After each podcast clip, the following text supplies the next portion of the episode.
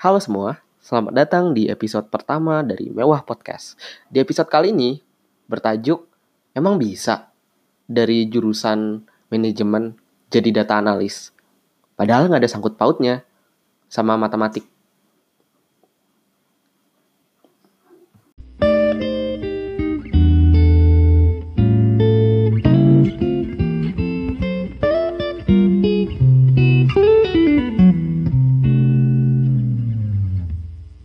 Ya, jadi pada podcast kali ini kita udah kedatangan tamu istimewa kita yaitu siapa nih?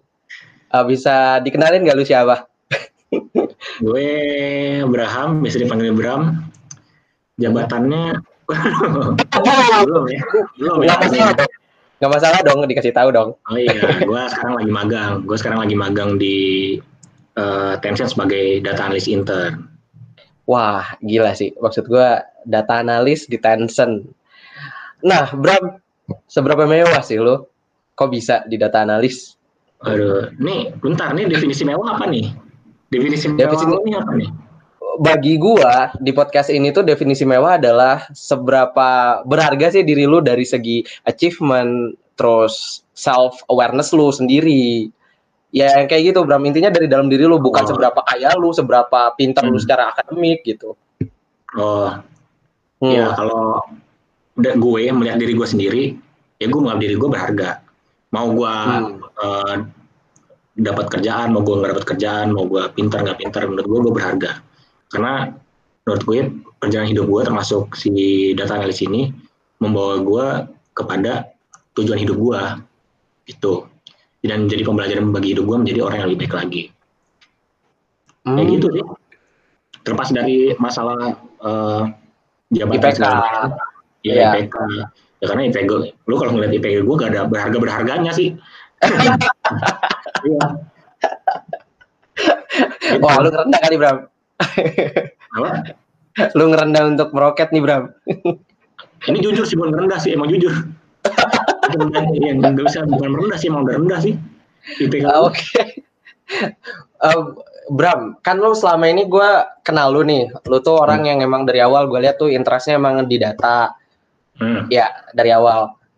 Kenapa sih pada akhirnya tuh lu pengen nge-explore data analis, padahal kayak mungkin masih ada kayak data science dan kawan-kawannya gitu? Kenapa harus data oh. analis gitu, Bram? Ini data analis apa data analisis? Data analis posisinya. Maksud gua posisinya, posisinya. data analis. Iya. Oh Kenapa? ya kalau uh, ya sebenarnya emang karena balik lagi ya gue suka uh, masalah data dan sebenarnya data science itu termasuk dalam pekerjaan si data analis ini ya. Hmm, uh, Oke. Okay. Ya kalau ngomong sejarahnya sih gue bukan orang statistik awalnya. Gue nggak gue suka matematika dari hmm. SMP SMA gue suka matematika tapi gue nggak ngerti apa itu statistik bahkan sampai ya bahkan sampai okay. gua kita ada kuliah statistik statistika bisnis pun gue gak ngerti, gak ngerti itu statistik apa dan gue dapat D statbis Wah serius lo? Ya, serius lo berapa? Ya gue D, gue D. Oke. Okay. Serius. Oke. Okay. Uh, sampai akhirnya tahun 2018 awal tuh si uh, kuliah kita, kuliah gue di SBM ini hmm? ngadain acara magang gitu ya, magang dan training bisnis dan data analisis pakai software yang namanya R Studio. Apa tuh, Bro? Kurang paham gue R Studio mirip, apa? Lah. Mirip uh, ini software untuk analisis data. Oke. Okay. Mirip ya mirip Excel, ada coding-codingnya dikit, tapi ini uh, lebih coding sih. Gitu. Okay. Nah, jadi emang awal mulanya itu gue tertarik, gue tertarik masuk si magang ini karena gue senang baca-baca machine learning, AI, dan itu berhubungan sama data science dan data analisis. Nah dari mulai magang inilah gue ngeliat, oh nih main-main angka nih seru ya, otak-atik angka nih seru ya. gitu dan akhirnya muncullah kecintaan gue untuk menjadi data analis kan dari situ gue mulai ngerakit-rakit model data sendiri lo kalau tahu ada uh, website untuk open source data yang dipublik hmm. sama banyak pihak itu namanya kegel.com. Gue mulai nyari-nyari data dari situ, gue analis analisis. Saya pada akhirnya gue lebih mendalami lagi data analis itu apa, dan ternyata gue suka. Itu.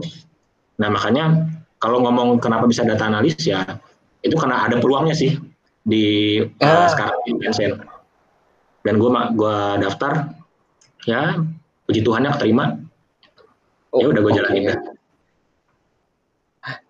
Bram, mungkin ada yang penasaran nih, kenapa dari tadi kita ngomongin data, data, data. Kan pikirannya data itu ngomonginnya kayak, oh mungkin mainnya atau oh mungkin mediannya. Terus apa gunanya nih untuk bisnis? Kira-kira kalau dari lu bisa nggak sih kejelasin ke kita-kita nih, yang awam, kira-kira data analis itu ntar fungsinya ngapain gitu misalnya di perusahaan? Iya, jadi sebenarnya basisnya tuh zaman sekarang kan udah zamannya big data ya. Hmm, Dan ya. zaman sekarang lo ngambil keputusan dan sebenarnya bukan di bisnis doang ya, bahkan di kehidupan sehari-hari pun kita dikasih sama kita dikasih data. Kita ngelihat data-data yang ada, baik itu dalam otak kita ataupun ada uh, yang kita lihat di luar. Hmm. Itu ya. nah, sekarang zaman sekarang nih bisnis udah mulai uh, ngandelin rasionalisasi data lah untuk ngambil-ngambil keputusan. Tujuannya biar apa? Ya biar keputusan itu lebih akurat okay. dan bisa diprediksi. Nah kan namanya kita bisnis kan kita pengen ini ya eh, apa namanya memitigasi resiko. Nah mhm. kita nggak bisa mitigasi resiko tuh kalau misalnya kita nggak punya data-data yang cukup, terutama data-data kuantitatif ya. Nah makanya dari situ uh, muncullah peran-peran data analis, data scientist ini untuk membantu si para pelaku bisnis untuk mengambil keputusan melalui data. Itu. Hmm. Oke, okay. Berarti kalau memang untuk forecast, Bram, apakah mungkin nih, misalnya gue kayak lo tadi, se uh, apakah bisa misalnya ada nih yang nantinya mau ke data analis, tapi dia nggak ngerti matematika, Bram? Apakah bisa dia menjadi data analis? Atau memang basicnya itu harus suka? Yang penting bukan nilai lu deh, yang penting lu suka dulu. Atau gimana tuh menurut lu, Bram? Ya baik lagi ya menurut gue benar nilai itu kalau ngomong statistik korelasinya kecil lah. korelasinya kecil sama kesukaan lo dan ekspertis lo di masa depan gitu ya. Tapi gue setuju kalau lo harus suka sama angka, gue setuju. Karena data analis siapa kerjanya? Kalau bukan analis angka, itu gue setuju sih. Uh, terus kalau misalnya emang ada nih teman-teman yang pengen jadi data analis juga, walaupun mungkin bukan dari latar belakang statistik, gak apa-apa sih karena gue juga manajemen, gak belajar hmm. banyak banget statistik banget itu statistik gue belajar juga dikit dapat D gitu. Tapi ternyata yang paling penting tuh mungkin bukan masalah codingnya atau masalah statistik yang beribet-ribet enggak, tapi gimana caranya lo sebagai data analis atau data scientist ubah angka yang mungkin simple ya, yang mungkin simple hmm. jadi insight buat si bisnisnya itu. Hmm. Nah, yang pertama itu harus uh, suka sama uh, datanya dan ya kemauan belajar aja ya. Karena hmm. sebenarnya kalau boleh jujur sih statistik nggak perlu susah-susah banget sih. Oh. Kalau sekedar simple ya, uh, sekedar metrik-metrik simple itu nggak perlu susah-susah banget statistiknya. Yang penting lo, yang paling penting adalah lo bikin dari angka yang simple itu jadi insight atau uh, bantuan mengambil keputusan dalam keputusan-keputusan bisnis. Itu. Nah, berarti yang gue tangkap bariernya tuh yang penting tuh lu tuh suka gitu ya Bram ya. Nilai itu belakangan lah, yang penting lu suka, angka dulu iya. baru lu bisa tuh kayak gitu. Iya, gue sih berkaca dari pribadi gue sendiri gitu ya. Hmm. Karena gue belajar sendiri. Gue bukan berarti status oh, gue di gue gak belajar ya. Gue belajar data. okay. Iya. Ada kan yang sekarang online learning namanya kan. Nah, iya, itu iya. gue belajar. Hey, Udemy, Coursera. Coursera, Datacamp, Udemy dari tiga itu rata-rata Nah, gue belajar statistik dari awal, coding, SQL, R, hmm. gitulah. Ah, kan lu bahasanya tadi berat banget ya Bram. Kira-kira keseharian lu nih selama di kuliah, apakah itu juga bisa membantu lu untuk data analis atau emang nggak ada sangkut pautnya nih sama sekali? Tadi yang pertama gue tangkap tuh nilai nggak ada sangkut paut. Nah, sekarang yang kedua nih, kita membuktiin apakah kampus itu, jurusan lu terutama, itu tuh berkorelasi positif nih sama kerjaan lu sekarang tuh data analis. Menurut lu gimana, Bro? Uh, ya, menurut gue itu tadi biasanya orang-orang yang ada di jurusan tertentu hmm? mereka uh, akan menyukai atau mendalamikan jurusannya sendiri ya. Iya, kalau dia kerja, ya dia kalau dia cari kerja ya berhubungan sama uh, kuliahnya, jurusan kuliahnya. Nah, hmm, benar. Ya atau enggak bisnis lah kalau bisnis kan general ya lu dari jurusan pun kayaknya bisa masuk bisnis development gitu iya iya karena sales dan ya. partnership ya bisa bisa iya cuman kalau masalah data analis ini uh, gua rasa sih sekarang orang-orang tuh di kuliahnya akan belajar statistik ya mau itu simple hmm. ataupun ada advance sedikit tapi mereka belajar ya. statistik dan kalau lo udah terekspos dengan angka-angka ini menurut gue itu awal mula lu akan lu punya kemampuan untuk jadi data analis. Kalau walaupun jurusan lu kayak gue nih manajemen, tapi lo terespos uh, terespos sedikit sama angka-angka, terus lo suka sama angka-angka itu, ya coba aja uh, apa sih mempelajari data science, data analis yang simple-simple dan akhirnya sedikit, sedikit demi sedikit lo punya kemampuan untuk jadi data analis. Gitu. Hmm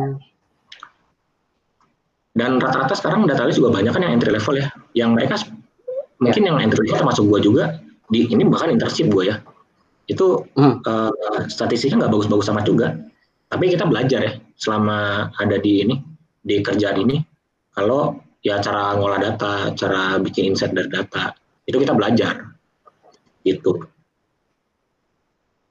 hmm oke okay, oke okay. berarti apa ya, ya mau gimana pun lo harus belajar, jangan ngandelin cuma di kampus aja. Ngomongin kampus nih Bram, ini kan offline, hmm. eh kita online nih, sorry nih. Ini kan kita online. Tanggapan yeah. lu nih sebagai yang udah intern di data, kira-kira bisa bikin orang-orang tuh bisa belajar data kayak lu nggak sih? Ini jadi advantage atau malah disadvantage nih gara-gara COVID ini, Bram?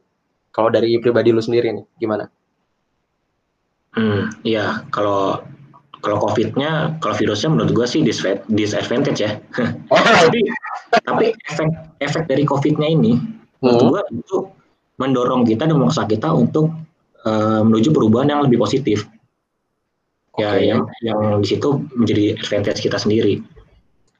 Nah, uh, mungkin orang-orang sekarang di rumah doang gitu ya, terus kuliah jadi pada online, kelas-kelas jadi pada online, terus orang terekspos dengan kuliah-kuliah online gitu kan? Terus mereka jadi ya.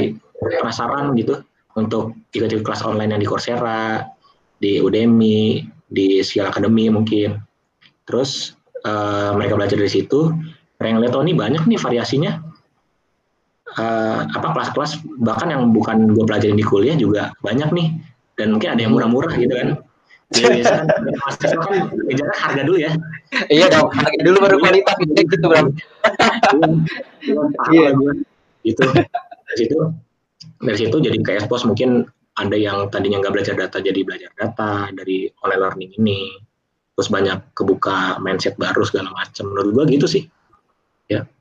Hmm. ada dua sisi lah. Ada tentu ada disadvantage-nya ada advantage-nya juga Iya, iya. Gue juga yakin kayak gitu sih. Soalnya kan sekarang yang gue lihat juga kayak data camp tuh kalau nggak salah tuh sempet ya Bram yang ngasih kayak apa kayak intensive course untuk SQL gitu gratis untuk berapa hari gitu seingat gue. Iya, iya dulu. Iya, uh, gue gue ikut tuh gue kebut banget kan. Oh iya. ya, Oke. Okay. Ini juga ada data camp juga. Yang hmm. gratis. iya iya dan dan nggak cuma basic kan Bram sampai advance juga ada kan di data camp. Iya. Kalau nggak salah. Semuanya data camp gitu dia ada track track karirnya bahkan. Lo kalau mau data analis oh. lo bisa jadi data analis lo bisa ikut kelas-kelas ini. Kalau mau jadi data scientist lo bisa ikut kelas-kelas ini. Segala macam. Gue sukanya di situ sih. Iya sih asli. Walaupun kayak karena, ya walaupun karena uh, apa namanya durasi gratisnya udah habis gue jadi ya udahlah. Yang yang bisa gue dapetin gratis aja dulu. Iya iya. Bram kalau misalnya nih, kalau kan kayak tadi nggak semua orang tuh bisa ngebut kayak lu. Kira-kira gimana sih cara mereka itu biar mungkin dapat sertifikasi atau apakah pengalaman yang bisa dijual untuk nantinya tuh kalau mereka pengen gitu jadi data analis secara hard skill dulu nih. Gimana bro? Oh, hmm, skill secara ya? hard skill. Hmm. Ya baik lagi sih tadi menurut gue, uh, gue pun nggak nggak cepat-cepat banget ya belajarnya. Itu karena gue ngejar itu aja tadi gratisan itu tadi aja kalau yang SQL. Oke. Okay. Kalau rata-rata rata-rata gue belajar data tuh lebih lama daripada gue belajar hal-hal yang gak bersifat eksak. Kayak kreativitas segala macem. Itu itu rata-rata gue lebih lama. Tapi gue enjoy aja gue nggak merhatiin berapa lamanya uh, gue belajar. Ya gue gue cuman fokus gue harus ngerti dulu sebelum gue bisa lanjut ke tahap berikutnya. Gitu nah menurut gue sih bisa diterapin juga sih buat teman-teman yang mau berkecimpung di dunia data juga mulai aja dari yang introduction ya kan yang dari perkenalan-perkenalan kayak belajar cara bikin rata rata-rata, terus median, mode, gitu-gitulah standar deviasi. Nah itu uh, mulai dari situ, ntar ningkat-ningkat-ningkat terus ke statistik yang lebih sulit, terus lebih advance segala macam. Gitu sih menurut gue, dengan adanya online learning sekarang udah malah kebantu ya, sih udah gampang udah gampang banget sih buat gue untuk belajar hal baru. Iya ya, berarti barrier entry entry-nya tuh nggak kayak waktu pas kita apa istilahnya offline gitu ya. Kan kuliah, ya lu tau lah kuliah di SBM kampus kita kayak gimana kejar-kejarannya. Terus hmm. materi di kelas tuh kadang-kadang nggak ada sangkut pautnya tuh sama yang kita pengen kan karirnya ya nggak sih? Hmm, iya. Nah iya makanya gue ngerasa juga ini di online learning ini lo bisa milih kan, lo bisa milih lo belajar yeah. apa itu gue sukanya di situ ada beberapa hal yang gue nggak mau pilih, gue nggak usah pilih. Bahkan di dunia statistik pun ada beberapa yang gue nggak suka pilih, uh, eh, gue mungkin nggak suka ya, dan gue nggak nggak penting. Ya gue nggak pilih, gue cuman ambil yang uh, eh, gue nggak penting aja dan gue harus belajar. Hmm. Gitu. Berarti memang itu gitu. Iya, berarti berarti memang prinsipnya gitu ya, Bang. Ya? Udah bukan kayak kuliah banget lah. Kalau lu misalnya mau nyebrang, kayak lu tadi dari manajemen nih ke data analis kan kayak nggak ada pelajarannya sama sekali gitu, Bro. Di SBM sendiri ya nggak sih? Iya, ya ada sih. Cuman mungkin nggak sebanyak itu ya, karena ya jurusan kita juga manajemen. Kalau di statistik ya full statistik mungkin ya. Iya, iya, iya. Ya, cuman ya gitu menurut gue. Ya gitu sih. Uh, gue emang orangnya kan mungkin malah lebih banyak belajar di online learning ya daripada di kuliah sendiri mungkin gitu. jadi gue enjoy banget belajar di online learning gitu hmm, iya ya jadi itu tadi ya untuk teman-teman yang mungkin pengen ke data analis tadi barrier to entry-nya udah rendah di saat kita online gini tuh ada aja gitu waktu yang mungkin kita bisa pakai ya nggak sih untuk belajar di data camp terus belajar analisis hmm. analisis data yang kayak tadi Bram udah yeah. bilang gitu Iya, dan harganya juga ya ada lah yang murah-murah. Gue gua pun nih di Coursera, gue dapat gratis kalau teman-teman mau tahu ya, karena ada hmm? financial aid-nya.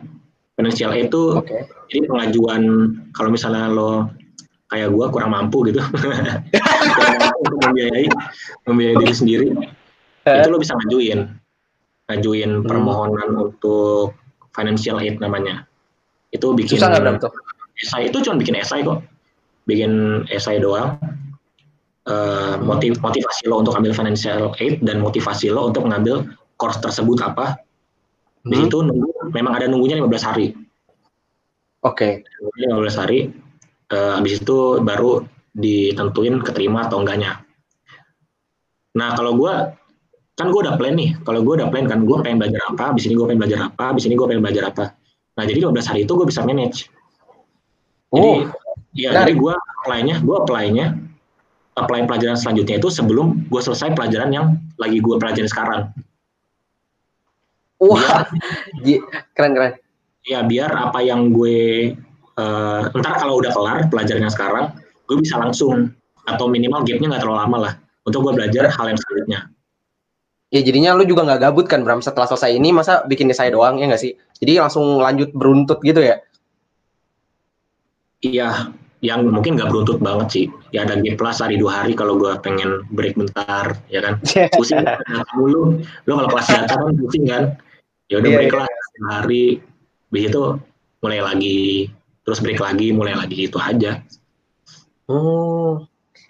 Ini gue dapat sumbangan pertanyaan sih Bram. Kan gue ini episode pertama kita dan gue sempat hmm. tanya ke beberapa ada tingkat lah.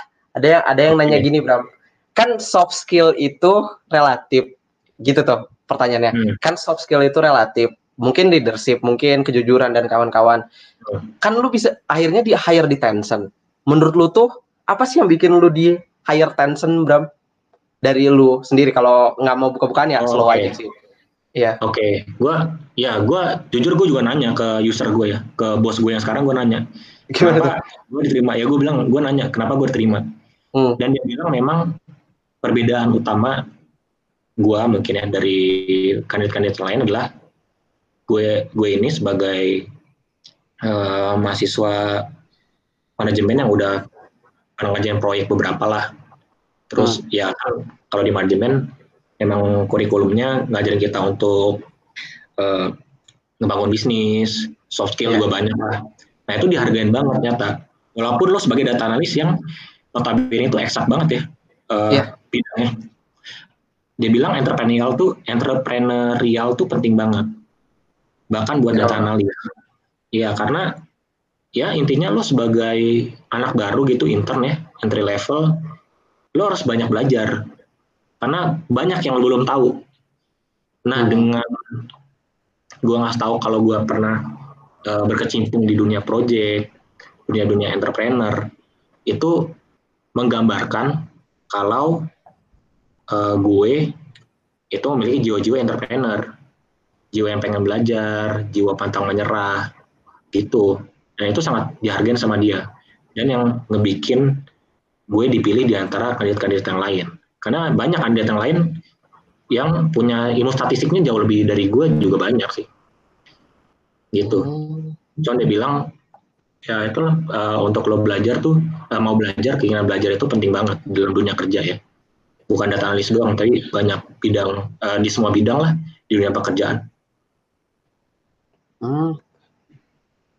Gimana caranya, Bram? Lu showing semangat entrepreneur lu itu, lu showing semua kemampuan lu untuk kerja keras tuh ke dia gimana, Bram? Karena kalau kita tahu kan dari CV itu nggak kelihatan gitu.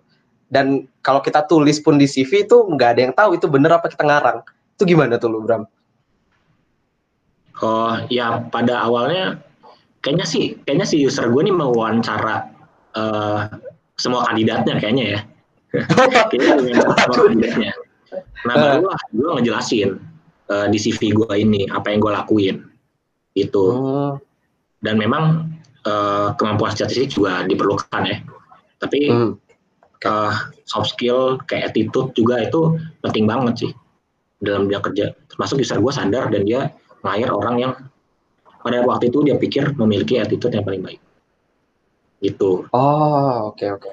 jadi ya uh, emang kuncinya tuh ya di kebanyakan orang ya itu mungkin bukan di ya. CV-nya, tapi di wawancaranya.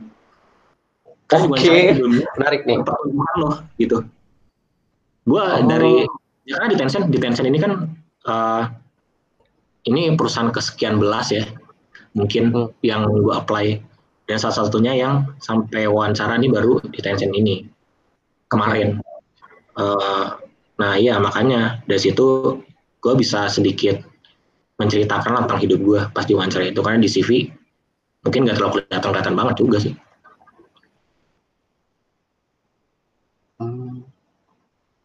Iya iya jadi kalau kalau dari soft skill sendiri ternyata memang sangat berguna lah ya. Pas udah ketika wawancara nih lu bisa kasih tahu siapa diri lu nggak cuma sekedar experience lu tadi kan sebagai spesialis di data misalnya dari awal. Gitu ya, ya benar. Itu sih. Nah nih Bram kan kita udah kan kita udah tahu nih kayak ternyata hard skill dan soft skill itu sangat penting. Kalau di kampus kan biasanya nggak tahu ya pengalaman pengalaman gue sendiri orang-orang itu pada gila untuk jadi ketua organisasi atau ada juga yang misalnya pada gila untuk ngelit project sesuatu karena dari pikiran hmm. mereka adalah dengan gue ngelit sesuatu dan gue banyak-banyakan ketua tuh gue pasti gampang lah keterima di hal yang gue mau. Nah apa ya kalau menurut lu gimana? Soalnya dari opini gua, kalau lu cuma organisasi doang kan tadi ngembangin soft skill, tapi lu nggak tahu hmm. kan soft skill yang bener itu kayak gimana? Karena banyak panitia yang ikut cuma pansos. Ini gua ngomong jujur aja gitu. Ada yang cuma ikut karena pengen keren-kerenan, ada yang cuma ikut gara-gara oh gua leader nih kesannya gua leader gitu. Hmm. Tapi saat interview itu menurut lu kelihatan gak sih yang leader sekedar leader atau leader yang emang nerapin segala ilmunya tuh di sana gitu di organisasi? Atau lu punya metode ya. yang lebih bagus lagi? Gitu? Kalau ngejawab pertanyaan lo menurut gue sih kata kata-kata tuh nggak ada apa-apanya lah lo mau interview juga orang kalau jago ngomong mungkin dia bakal lolos gitu ya cuman mungkin kelihatan hmm. bulan dua bulan tiga bulan dia kerja baru kelihatan tuh attitude aslinya Oke. Okay. Uh, itu ya kalau jawab pertanyaan lo. Tapi kalau menjawab tadi argumen lo, sih kalau dari gue, gue hmm. sekarang ngelakuin suatu hal tuh, gue harus tahu dulu nih dampak dan tujuannya buat apa. Kalau enggak, enggak akan gue lakuin. Oke. Okay. Gitu. Nah kalau misalnya ada orang pengen pengen uh, jadi leader karena dia punya visi, ya bagus. Bagus itu. Mungkin berbeda dari orang lain yang emang pengen magang gitu misalnya. Dia pengen yeah. jadi ya. leader, dia punya visi untuk satu organisasi tertentu. Ya bagus, gak apa-apa. Baik lagi kalau lo pengen jadi uh, apa panitia sekedar panitia kalau tujuan lo emang pengen mengembangkan diri uh, visi lo uh, lo punya visi untuk organisasi itu. Terus lo pengen networking misalnya ya nggak apa-apa. Bagus malah menurut gue. Itu tapi kalau selain dari hal-hal yang positif itu sih kalau tujuannya bukan hal yang positif sih menurut gue kurang bijak sih ya. Iya. Itu karena mungkin membuang-buang waktu sendiri diri sendiri dan orang lain juga gitu. Iya. Soalnya gini Bram kenapa gue tanya itu? Karena terakhir nih yang gue denger tuh somehow somehow nih kayak beberapa leader di organisasi itu kalau misalnya dia kampanye pengen narik suara tuh berawal dari segala keresahan yang di mana keresahan hmm. itu nggak kadang-kadang tuh nggak sepenuhnya dialami masa gitu kayak kadang-kadang dibuat terus ditunggangi kepentingan dia dan ternyata gue pernah ngobrolnya sama teman gue yang kayak gitu nih bukannya hmm. merendahkan teman gue nih gue nanya motivasi dia kan kayak gitu kenapa hmm. lu membuat keresahan yang sebenarnya kayak semua orang nggak berasa itu resah hmm. gitu gue tanya karena itu tadi dia pengen portofolio dia untuk karir ke depannya bisa lebih bagus dengan cara jadi leader apakah sah-sah aja kayak gitu Bram gitu loh hmm. menurut gue kalau emang lo menurut gue kalau leader tuh lo harus punya visi sih menurut gue itu nomor satu ya lo harus visi punya ya? visi yang positif, okay. positif untuk uh, anggota-anggota lo dan kalau tadi ngejawab lo itu mulai dari keresahan yang mungkin gak representatif buat iya. orang-orang. Nah itulah sebenarnya keresahan yang dipunyai oleh data analis juga. Oh gimana kalau ya kalau lo misalnya bilang ini misalnya uh, saya pengen jadi ketua karena keresahan-keresahan orang-orang yang uh, mau A B C D E F G gitu. Ya tunjukin datanya kalau emang itu benar tunjukin dong misalnya ada hasil survei atau hasil interview rasionalisasi rasionalisasinya itu tunjukin dong gitu menurut gue jadi uh, orang bisa menilai kalau itu beneran representatif ke masyarakat karena kalau misalnya nggak ada datanya gue sendiri pun nggak akan percaya Oke. Okay. Kalau emang ada basisnya. Jadi jadi bener kata lu ya, kalau ngomong tuh gampang, tapi lu nggak nunjukin itu ada datanya atau lu actionnya apa gitu ya, Bro? Iya, iya bener. Bener. Mungkin, nah kalau misalnya udah stage-nya itu lebih besar, apalagi mungkin panggung politik dunia gitu, panggung politik hmm. satu negara atau panggung politik dunia, itu kalau lu ngomong dikit salah, lu ngomong ini gue mewakilkan keresahan masyarakat, tapi si masyarakatnya sebenarnya nggak ngerasa itu diwakilin. Iya iya. Ya, masyarakat siapa yang diwakilin ya kan? Iya. Mana, gitu. Kalau lo kasih data oh ini menurut demografi ini misalnya menurut para nelayan nih ini tidak uh, saya pengen me, uh, mendukung nelayan untuk bla bla bla bla bla bla 50% sekian uh, merasakan ini 80% sekian merasakan ini nah itu orang akan percaya gitu menurut gue. Hmm. Ya ya, jadi ya kembali lagi kalau lo punya sesuatu semua visi atau visi itu lo harus show. Habis itu ntar dari visi tersebut baru lo bisa eksekusi kan. Iya, betul. Apakah dengan jadi leader, Bram? Apakah dengan jadi leader itu lebih gampang ya dapat kayak posisi data analis gitu? Karena kan jadi leader tuh nggak bisa asal sembarang ngomong tuh, kayak yang lu bilang. Apakah bakal ngedongkrak gitu, Bram? Kalau data analis ya? Hmm, oh. data analis sendiri. Hmm. Balik lagi ya, tadi di semua semua pekerjaan pasti butuh uh, attitude ya, mau itu pekerjaan apa pun lah. Karena itu menurut gue sih nomor satu sih di pekerjaan. Kalau lo bego nih, misalnya lo bego, tapi lo, tapi lo pengen belajar, ya lama-lama lo jadi pinter ya kan? Iya. Tapi kalau lo pinter nih, asalnya udah pinter, tapi lo nggak mau belajar, lama-lama lo bakal kalah sama orang yang mau belajar. Gitu itu nomor satu tapi uh, memang kalau untuk khusus data analis ya kemampuan data analis juga diperlukan data analisis dan data analisis itu diperlukan juga itu sangat ya sangat diperlukan lah. Mungkin ada beberapa statistik main di situ segala macam. Uh, terus kemampuan komunikasi. Karena uh, apa namanya kan lo analisis data terus lo visualisasi kan? Lo hmm. presentasi hmm. datanya nih ke orang-orang. Mungkin ke manajer mungkin ke C level nah mungkin orang-orang itu bukan orang-orang data mereka mungkin nggak ngerti apa itu regresi atau namanya uh, mean median mungkin mereka nggak ngerti kan nah itu harus yeah, dijelasin yeah. kemampuan lo ngejelasin apa yang susah lo bikin jadi simple buat orang ngerti dan itu yang gue lagi pelajarin juga pelajarin banget di data analis sekarang gimana bikin hmm. orang ini yang ruwet gitu ya dengan angka-angka misalnya yeah. bikin dengan sesimpel mungkin biar orang paham Simple kalau bisa tuh dalam satu kalimat doang orang bakal ngerti nah, itu kan hmm. itu jadi iya, tadi iya. attitude nomor satu da, da kemampuan data analisis atau statistik ketiga kemampuan komunikasi itu sih Hmm, oke okay, oke. Okay. Tadi kan udah pada dibilang tuh, udah pada denger lah, gue yakin ya. Si data analis tuh butuhnya hard skillnya apa aja, statistik udah udah pasti, terus si soft skillnya udah jelas leadership itu penting tapi ya lu harus show something gitu nggak nggak asal baca nggak asal ngomong gitu maksudnya ah menarik tapi Bram gue hmm. gue seneng tuh sama yang lu bilang bahwa kita tuh kalaupun bego ya kasarnya bego kalau kita hmm. mau belajar tuh bakal jadi pintar berarti di situ kan sebenarnya yang kita perluin adalah growth mindset nggak sih di mana iya. kita mau belajar hal-hal yang belum kita tahu iya betul ini sekarang kan? gue growth mindset ini udah menjadi buzzword banget ya tapi nggak banyak iya, iya. orang iya. memaknai arti dari growth mindset ini menurut gue. Gimana tuh?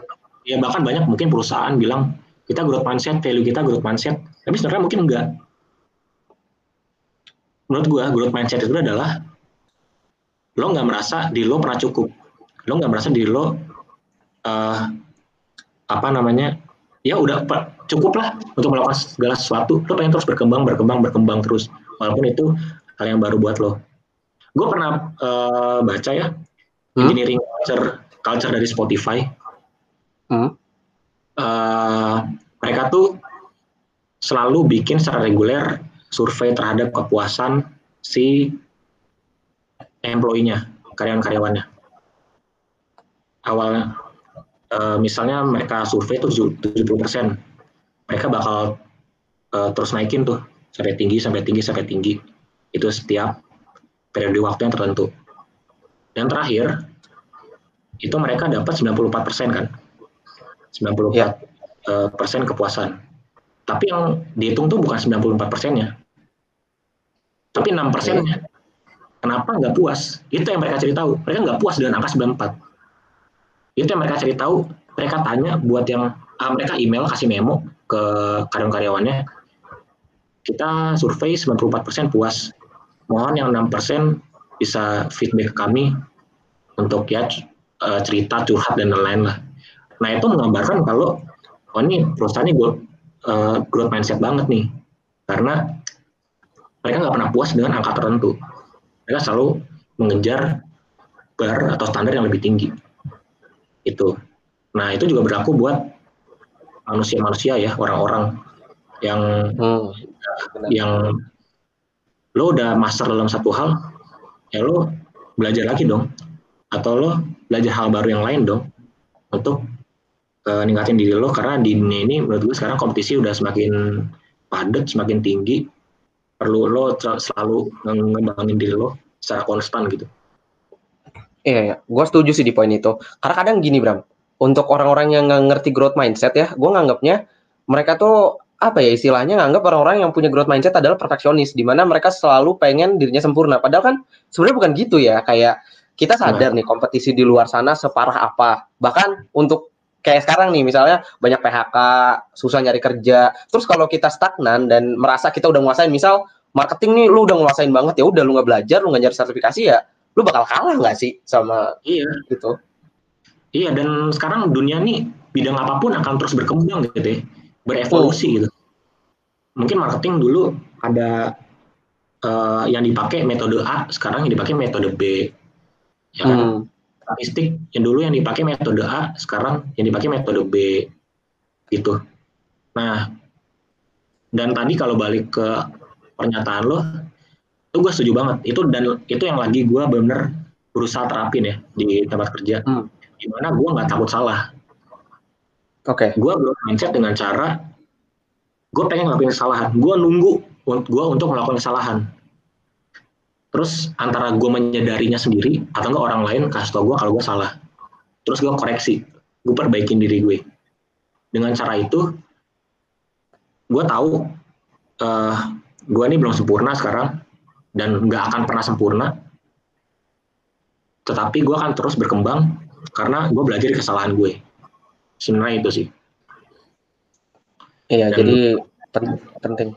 Uh, apa baca buku, ikut Hmm. kelas-kelas online, uh, dengerin mewah podcast. Nah itu bentuk-bentuk uh, Aduh.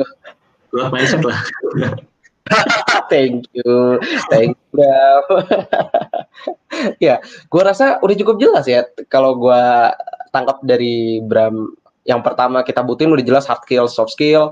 Terus yang hmm. selanjutnya tuh biar kita tambah apa istilahnya kualitas kita meningkat terus lah di zaman yang susah kayak gini di mana fresh grade fresh yeah. grade nanti teman-teman juga bakal ngerasain sesusah apa nyari kerja dan magang lu tuh yeah. harus growth mindset mau nggak mau bukan karena kita pengen kesempurnaan tapi ya kembali realistis men kompetisi sebanyak itu yang PHK sebanyak itu terus lu sekarang nggak stand out ya mau gimana iya nggak sih bro iya benar-benar itu gue juga pernah uh, nonton satu apa ya sepatu uh, satu motivasi gitu mungkin ya Hmm, di, gimana tuh?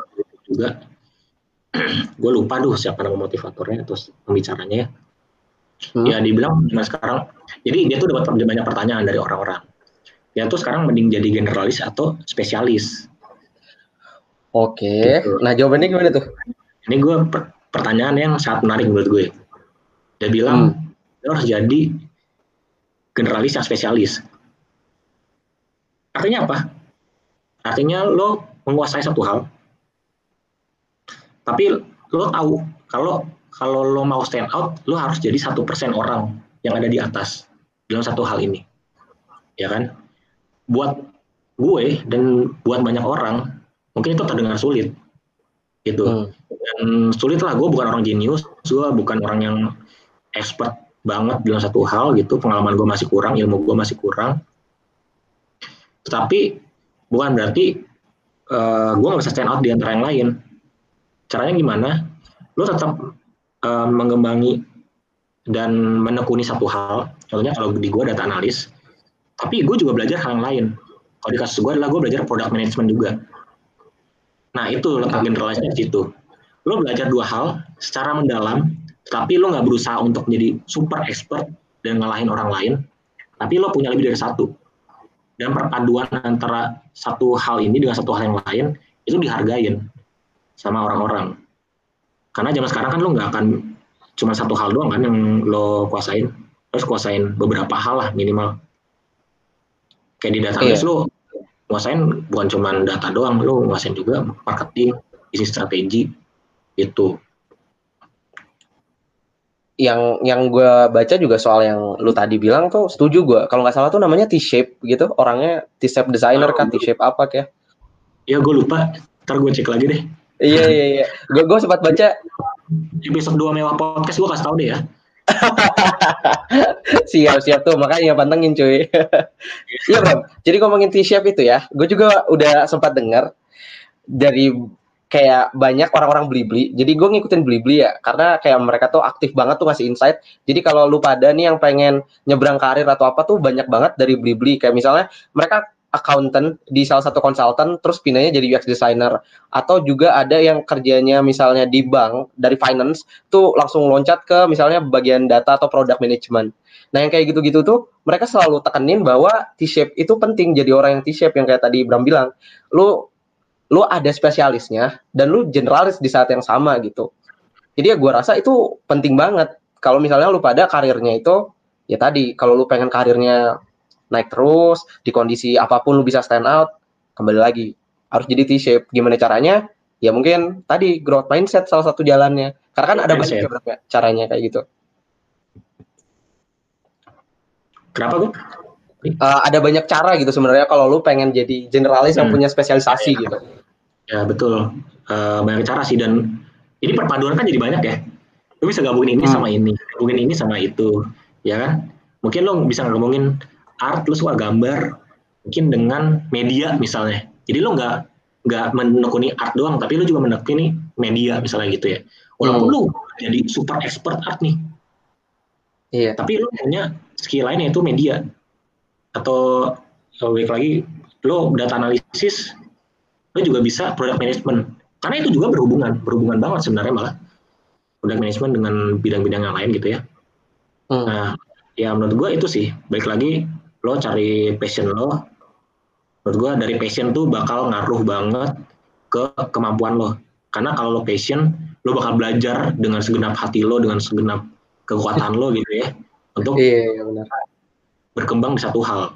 Terlepas dari lo ngerasa bisa atau enggak gitu karena kalau gue ngeliat lo gue juga nggak pintar-pintar banget gitu ya. Nggak nyerah lah gue statistik. Cuma karena gue suka ada akhirnya karena ada program training di SBM ini gue jadi belajar. Dan nyata oh bisa nih ada cara-cara tertentu nggak nggak susah banget gitu. Hmm. gue belajar. Dan gue menekuni itu. Bukan karena gue pintar tapi karena gue belajar. Iya itu tadi. Bram kan udah ngasih ilmunya banyak nih. Terus gue juga penasaran nih Bram lu kan udah jadi data analis sibuk sana sini. Gimana sih cara lu ngebalance sama apa kira-kira struggle yang paling kerasa nih? Pas jadi data analis Tencent sama lu kan ada kelas tadi. Kata lu masih hmm. ada kelas dan kawan-kawan. ya betul. Gue masih lanjut kelas sih semester ini. Uh, ya tadi ya menurut gue yang paling penting adalah lo harus jujur dulu sih ke user lo ke bos lo kalau lo masih di kelas. Lo transparan lo kelas jam berapa aja hmm. dan untungnya si user gua nih uh, mengerti lah kalau oh ini bocah masih inter masih inter masih banyak kelas gitu ya. Jadi dia dia masih apa namanya uh, kasih kebebasan lah. Dengan catatan ya kerjaan yang dikasih ke gue di gue kerjain. Gitu. Itu yang pertama. Terus kedua memang time management tuh penting banget sekarang. Gue juga baru sadar nih akhir-akhir ini terutama habis gue uh, pas gue kerjain ya. Time management hmm. tuh penting. Jadi gue benar ngatur tuh dari awal gue mau bangun jam berapa gue kerjain tugas kuliah jam berapa gue kerjain tugas kantor jam berapa. Gitu. Makanya gue sekarang lepas jam 5 gue udah nggak melihat lagi cetan orang-orang kantor. Nah itu waktunya gue untuk ngelakuin hal misalnya ngejain tugas kampus atau belajar Coursera atau lain-lain. Itu jadi gue strict dengan jadwal yang gue punya. Dan gue bilang e, eh, gue maunya kayak gini gini gini gini ke si user gue. Itu sih karena uh, mungkin karena di semester akhir ini dan online jadi bebannya nggak nggak seberat semester semester kemarin kali ya. Hmm. Jadi gue merasa punya waktu lah untuk ikut magang juga. Ya berarti selama magang itu sosial life lu masih jalan lah ya Bram ya? Entah gimana masih. caranya gitu. Iya masih, walaupun di rumah doang sih. iya, di rumah doang. Iya. Ya, itu dia makanya. Bokap nyokap gua sama anjing gua doang sih. Udah itu doang. Waduh. Iya sepi banget ya emang emang beda sih keadaannya jujur aja sih. Iya. Gitu sih. Terakhir nih Bram, sebelum kita tutup episode satu ini. Okay. Lu ada nggak sih? Ada nggak sih mitos yang pengen lu patahin nih soal kerjaan kah, self development kah yang sekarang lu rasain dan orang-orang pegang mitos itu selama ini gitu. Ada nggak sih? Kayak, kayak misal nih, dari gue dulu nih, dari gue dulu ya. Dari gue. Gue tuh du, dari dulu percaya bahwa ketika lu jurusan manajemen, ketika lu jurusan ya let's say teknik informatika, ya ujungnya lu bakal ke teknik informatika yang hmm. gue pengen patahin adalah misalnya gue pribadi gue sebagai jurusan manajemen tuh ada project IT kayak web developer dan kawan-kawan. Ya. itu yang gue pengen kasih tahu. Nah kalau dari lu sebagai data analis dan juga mahasiswa ada nggak bro? Yang pengen lu kasih tahu tuh mereka. Hmm. apa ya? Ini berarti tentang data analis ya? Bebas bebas. Nggak data analis. Self development lu boleh. Bebas. Apa yang lu mau patahin? Uh, tadi sih baik lagi ke tadi ya menurut gue yang paling uh, paling menonjol dan kalau buat orang-orang yang baru tuh mereka nggak paham ya kalau data analis tuh harus coding, harus hmm. statistik, harus yeah. kalau coding coding uh, apa sih Python segala macam yang panjang beribu-ribu yeah. line gitu ya. yeah. Aku kira ini data analis kayak gini nih. Tapi nyata enggak hmm. juga karena bahkan sekarang gue juga pakai masih pakai Excel juga rata-rata. Hmm. Jadi intinya sebenarnya gini sih, uh, lo tuh di tempat tempat kerja kan pengen yang sesimpel dan seefisien mungkin ya, terutama hmm. data analis. Nah mungkin lo bekerja sama bukan sama orang-orang data juga, lo bekerja sama sama orang-orang bisnis, marketing yang mungkin nggak nggak coding juga latar belakangnya. Nah makanya dari situ ada kolaborasi tuh dari situ tuh. Hmm. Uh, apa mungkin gua gua juga nggak pakai R dan SQL terlalu banyak, pakai uh, Excel doang. Tapi yang paling penting adalah ya gimana cara bikin datanya itu jadi insight yang bermakna. Itu yang paling penting dari si data analis ini. Itu. Hmm, itu sih. Okay. Jadi jangan takut sama coding, jangan takut sama kayak statistiknya segala macam karena ya itu dibutuhin. Tapi nggak menjadi requirement mutlak banget. Karena satu itu bisa dipelajarin, kedua banyak kok peran data analis kayak gue yang sebenarnya nggak perlu coding. Hmm. Gitu. Menarik ini. Gitu sih sebenarnya yang paling muncul. Jadi kadang orang kayak takut kan kalau kerja punya kayak software developer segala macam gitu kan. Iya iya benar-benar pada takut untuk mikir logika ngodingnya ini kayaknya susah nih berapa line berapa ribu nih. Iya. Kan gitu. Hmm. Mungkin kalau di software mungkin emang coding banget ya. Iya. Mungkin. Iya. Kalau di data kalau di data enggak enggak coding itu. Karena Excel pun tuh udah menjadi tools yang sangat powerful ya untuk data analisis dan masih menjadi yang sangat general dan universal. Oke. Okay. Gitu. Tapi mungkin Excel-nya itu Bram nggak segampang yang kita pikir kali ya. Mungkin include ya. VLOOKUP, HLOOKUP gitu-gitu kali ya. Ya, ya itu jelas lah. Tapi itu benar-benar bisa dipelajarin. Itu benar-benar bisa dipelajarin. Lebih lagi ya, lo belajar pas lo ngelakuin itu. Karena banyak banyak juga fungsi Excel yang gue baru tahu pas gue masuk pensiun ini jujur aja hmm. tapi gue belajar gitu dan akhirnya gue yeah. bisa Iya, yeah, tuh berarti udah jelas tuh keep learning, growth mindset udah pasti gitu, wajib. Iya. Yeah. Terus kalau lu nilainya misalnya nggak bagus ya bukan berarti lu bego ya lu berarti yeah. harus coba lah ya nggak sih iya benar benar. Jangan iya jangan jangan meremehkan orang-orang IP-nya jelek. Siapa ah, tahu benar tuh. dia belajar online. Ya kan? Orang hmm. orang mulai ini apa namanya uh, belajar online dari semenjak karantina. Lah gue belajar online dari semester satu. Iya tuh denger tuh. Iya udah online gue kuis di rumah di kosan. Ada ada UTS di kosan. Enggak sih kalau UTS tetap datang sih. Ya gitu. udah remote, udah udah remote gue. Iya iya, itu itu tadi. Makanya cuy kalian kalian yang dengerin ini kalaupun misalnya mau kayak Bram data analis statistiknya jelek ya jangan berkecil hati lah. Belajar lah belajar. Bisa lah. Iya nggak sih Bram? Iya, bisa lah gue iya. Benar benar benar banget. Selama ada niat. kalau dipelajarin pasti lo akan meningkat lah. Mungkin lo nggak akan belum tuh jadi expert ya tapi pasti iya. akan meningkat. Iya. Yang penting tuh ada ada lu mau lah lu mau lah. Iya, jangan langsung iya, nyerah gitu. Apa pun apa pun gitu. Pelajar mata kuliah atau pelajaran atau bidang apa pun itu kalau dipelajarin pasti lo akan meningkat. Berkembang. Iya. hmm tuh gue seneng banget sih hari ini Bram bisa ngomong sama lu dan ngejelasin ya, banyak insight sih Bram untuk yang denger mewah podcast ini thank you. gila sih menurut gue ya gue juga ya. nunggu episode episode berikutnya Amin. Nah, ini gue juga baru pertama kali ya gue diundang ke podcast kayak gini. Iya iya, next time mungkin bisa lagi jadi narasumber. Iya, iya gue tunggu aja. mantap mantap. ya udah, thank you ya Bram udah sama kita hari ini. Ya semoga hidup lo makin menyenangkan dan asik Bram. Thank you, lo juga. Makin mewah.